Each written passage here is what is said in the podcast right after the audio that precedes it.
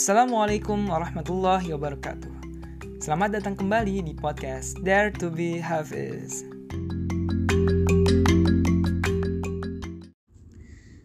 أعوذ بالله من الشيطان الرجيم يا أيها الذين اذكروا نعمة الله عليكم إذ جاءتكم جنود فأرسلنا عليهم ريحا فأرسلنا عليهم ريحا وجنودا لم تروها وكان الله بما تعملون بصيرا Aku berlindung pada Allah dari godaan syaitan yang terkutuk.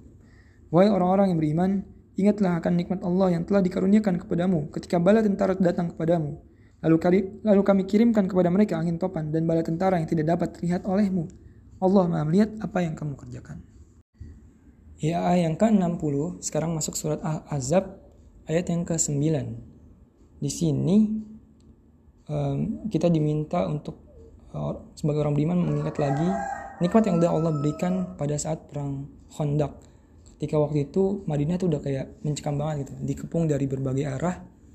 Nggak berbagai arah juga sih sebenarnya. Ada satu arah yang nggak bisa ditembus juga karena ada karena daerah itu pegunungan apa pepohonan gitu juga kalau nggak salah.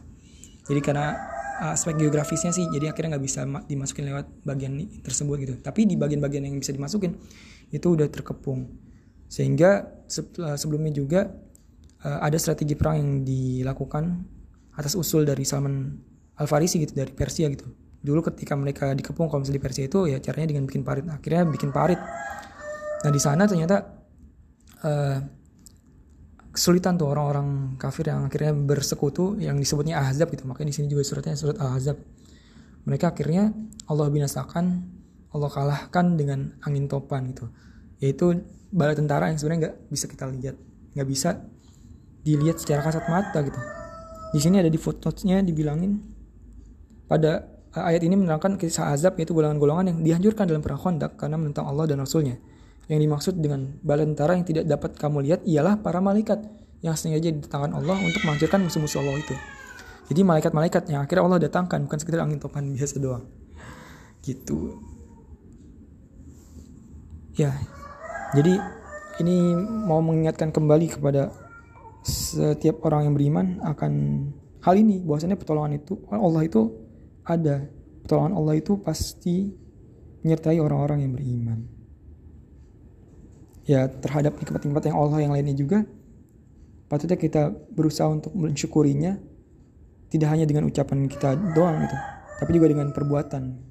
Dan ya karena kan uh, ya syukur itu bukan hanya dengan lisan ya tapi juga dengan pembuktiannya dengan perbuatan kita. Senantiasa melakukan -hal yang baik dan semoga atas nikmat Allah yang nggak bisa kita hitung gitu. Itu bukan menjadikan kita seorang yang akhirnya kufur nikmat. Seperti yang di surat uh, Ibrahim kan ayat 7 la in syakartum la azidannakum wa la in kafartum inna adzabi lasyadid. Kalau misalnya kita bersyukur Allah akan tambahkan nikmat kita. Tapi kalau misalnya kita akhirnya kufur ya hati-hati gitu karena azab Allah sangat pedih. Tapi di sisi lain kita emang nggak bisa menghitung-hitung nikmat Allah. Wa in ta'uddu Allah la tuhsuha gitu kan dan jika kamu hendak menghitung-hitung nikmat Allah ya kamu akan bisa kamu akan mampu. Maka ya terhadap nikmat Allah yang bisa kita sadari patutnya kita mensyukuri dan terhadap yang bukan semoga kita ter tidak termasuk yang mengkufuri. Assalamualaikum warahmatullahi wabarakatuh